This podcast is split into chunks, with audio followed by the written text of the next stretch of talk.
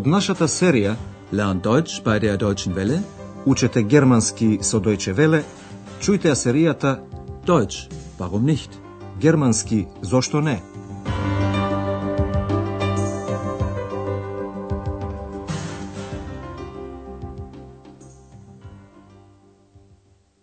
Liebe Hörerinnen und Hörer. Добар ден, почитувани слушателки и слушатели. Денеска наред е деветата лекција под наслов За мене банани. Für mich bananen. Во последната лекција, господја Шефер се јави по телефон кај Андреас. Под звонењето на телефонот, екс праша дали може да ја подигне слушалката. Обрнете внимание на модалниот глагол sollen.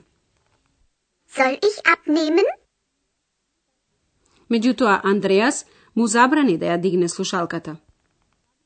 Nein, das sollst du nicht. Господја Шефер му рече на Андреас дека таа и татко му ќе дојдат на викенд кај него. Андреас, меѓутоа, треба да работи в сабота. Обрнете внимание на модалниот глагол müssen, што истакнува некое задолжение. Am Samstag muss ich arbeiten. Андреас рече дека работи в сабота до пладне и поради тоа се договори со родителите тие да дојдат исто така в сабота. Also, wir kommen am Samstag. Вечерта Андреас ја отвора вратата од фрижидерот, Kühlschrank, за да види што има во него. Забележува дека мора да оди да купува, einkaufen. Тој запишува на едно ливче што треба да купи. Леп, брод и путер, Butter, sirenje, käse i kolbas, wurst, kako i ovošje, obst. Slušnete kakvo ovošje bara ex. Leer, total leer. Andreas, was ist denn los? Bist du wütend? Ja. Nein. Der Kühlschrank ist mal wieder leer.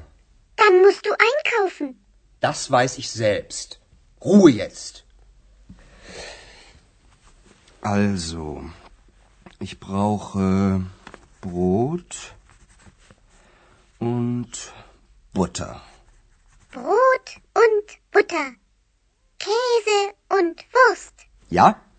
Käse und Wurst. Und Obst. Für mich Bananen, bitte. Mal sehen. Aber jetzt komm, wir gehen einkaufen. Екс значи сака банани. Чујте го диалогот уште еднаш. Андреас ја отвора вратата од фрижидерот и забележува дека тој е наполно, тотал, празен. Leer. Total leer. Андреас ја удира вратата од фрижидерот, а екс го прашува дали е бесен, wütend. Андреас, што ти е? Дали си бесен? Andreas, was ist denn los? Bist du wütend? Андреас секако е бесен и дури ја кажува причината. Фрижидерот пак е празен. Der Kühlschrank ist mal wieder leer. Екс додава, па тогаш мора да одиш да купуваш.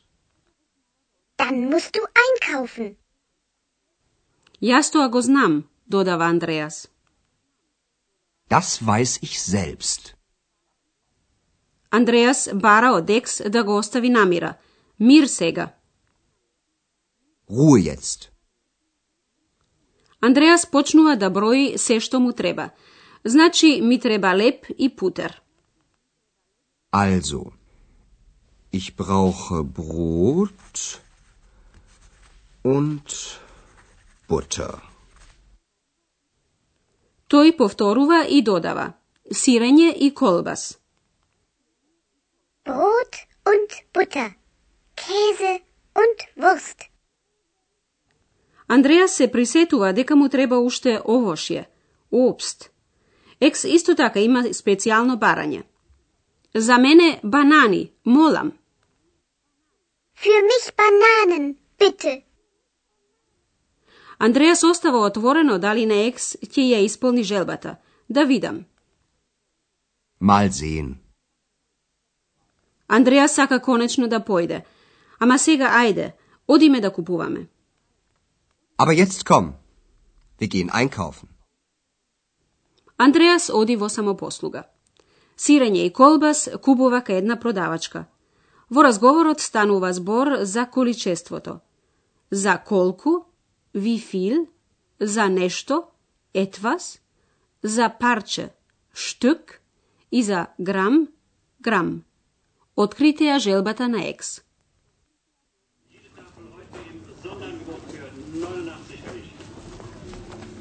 Guten Abend. Was bekommen Sie? Ich bekomme etwas Wurst. Wie viel denn? 150 Gramm. Sonst noch etwas? Ja, ein Stück Käse. Und welchen Käse möchten Sie? Den Bergkäse, bitte. Sonst noch etwas? Nein, das ist dann alles. Oliven. Es gibt Oliven. Kann ich mal eine probieren? Äh, möchten Sie noch Oliven? Nein, vielen Dank. Seltsam. Seltsam. Екс ги забележува маслинките и бара да проба. Чујте го разговорот уште еднаш. Продавачката го прашува Андреас. Што сакате? Was bekommen Sie? Андреас бара малку колбас. Ich bekomme etwas Wurst. Продавачката прашува дополнително. Колку? Wie viel denn? Андреас бара 150 грама. 150 Gramm. Продавачката го прашува Андреас дали сака уште нешто. Уште нешто? Sonst noch etwas? Андреас сака уште едно парче штук сирење. Ja, ein Stück Käse. Продавачката прашува од кое сирење? А од кое сирење сакате? Und welchen Käse möchten Sie? Андреас бара посебно сирење, од планинското сирење. Бергкезе. Den Bergkäse, bitte. Андреас не сака ништо повеќе. Не, тоа е се. Sonst noch etwas? Nein, das ist dann alles. Меѓутоа, Екс откри маслинки. Оливен. Маслинки, има маслинки. Oliven. Es gibt Oliven. Таа прашува, дали може да пробам една? Kann ich mal eine probieren? Продавачката е зачудена што слуша два гласа, а го гледа само Андреас. Seltsam. Seltsam. Сега ќе ви објасниме нешто за членот.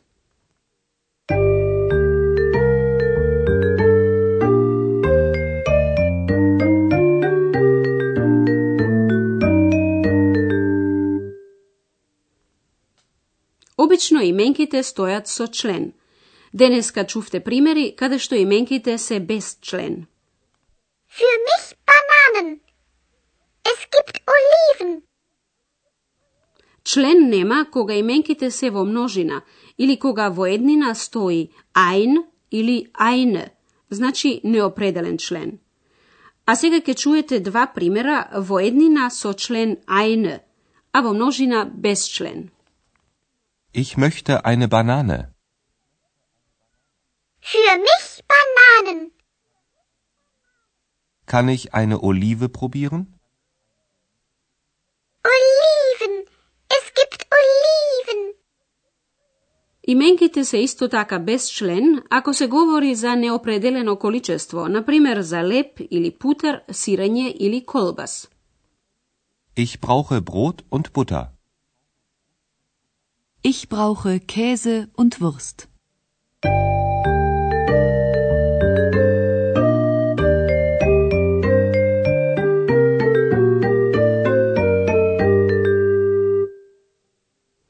А сега да ги чуеме уште еднаш двата разговора.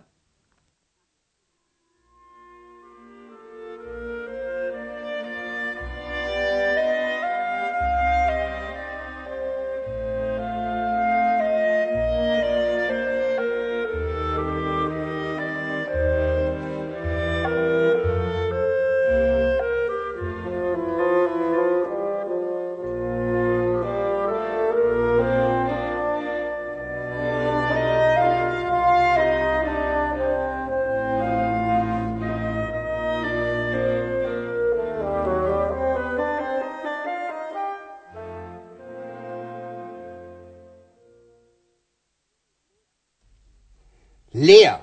Total leer. Andreas, was ist denn los? Bist du wütend? Ja. Nein. Der Kühlschrank ist mal wieder leer. Dann musst du einkaufen. Das weiß ich selbst. Ruhe jetzt.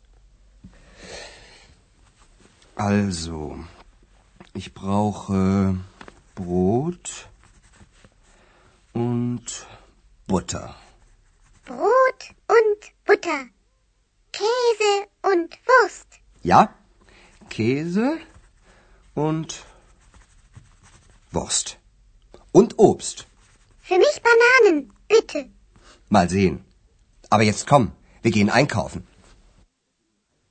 Во самопослугата Андреас купува сирење и колбас.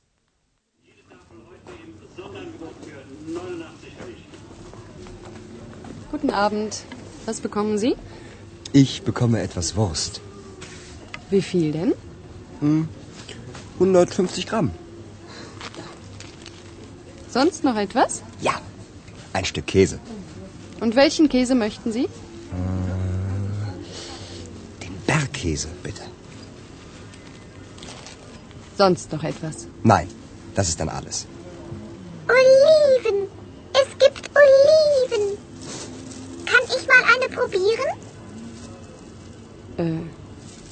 Möchten Sie noch Oliven?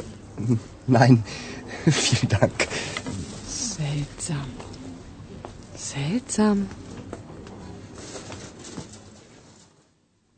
За денеска толку, а до наредниот пат до слушање. Für heute auf Wiederhören.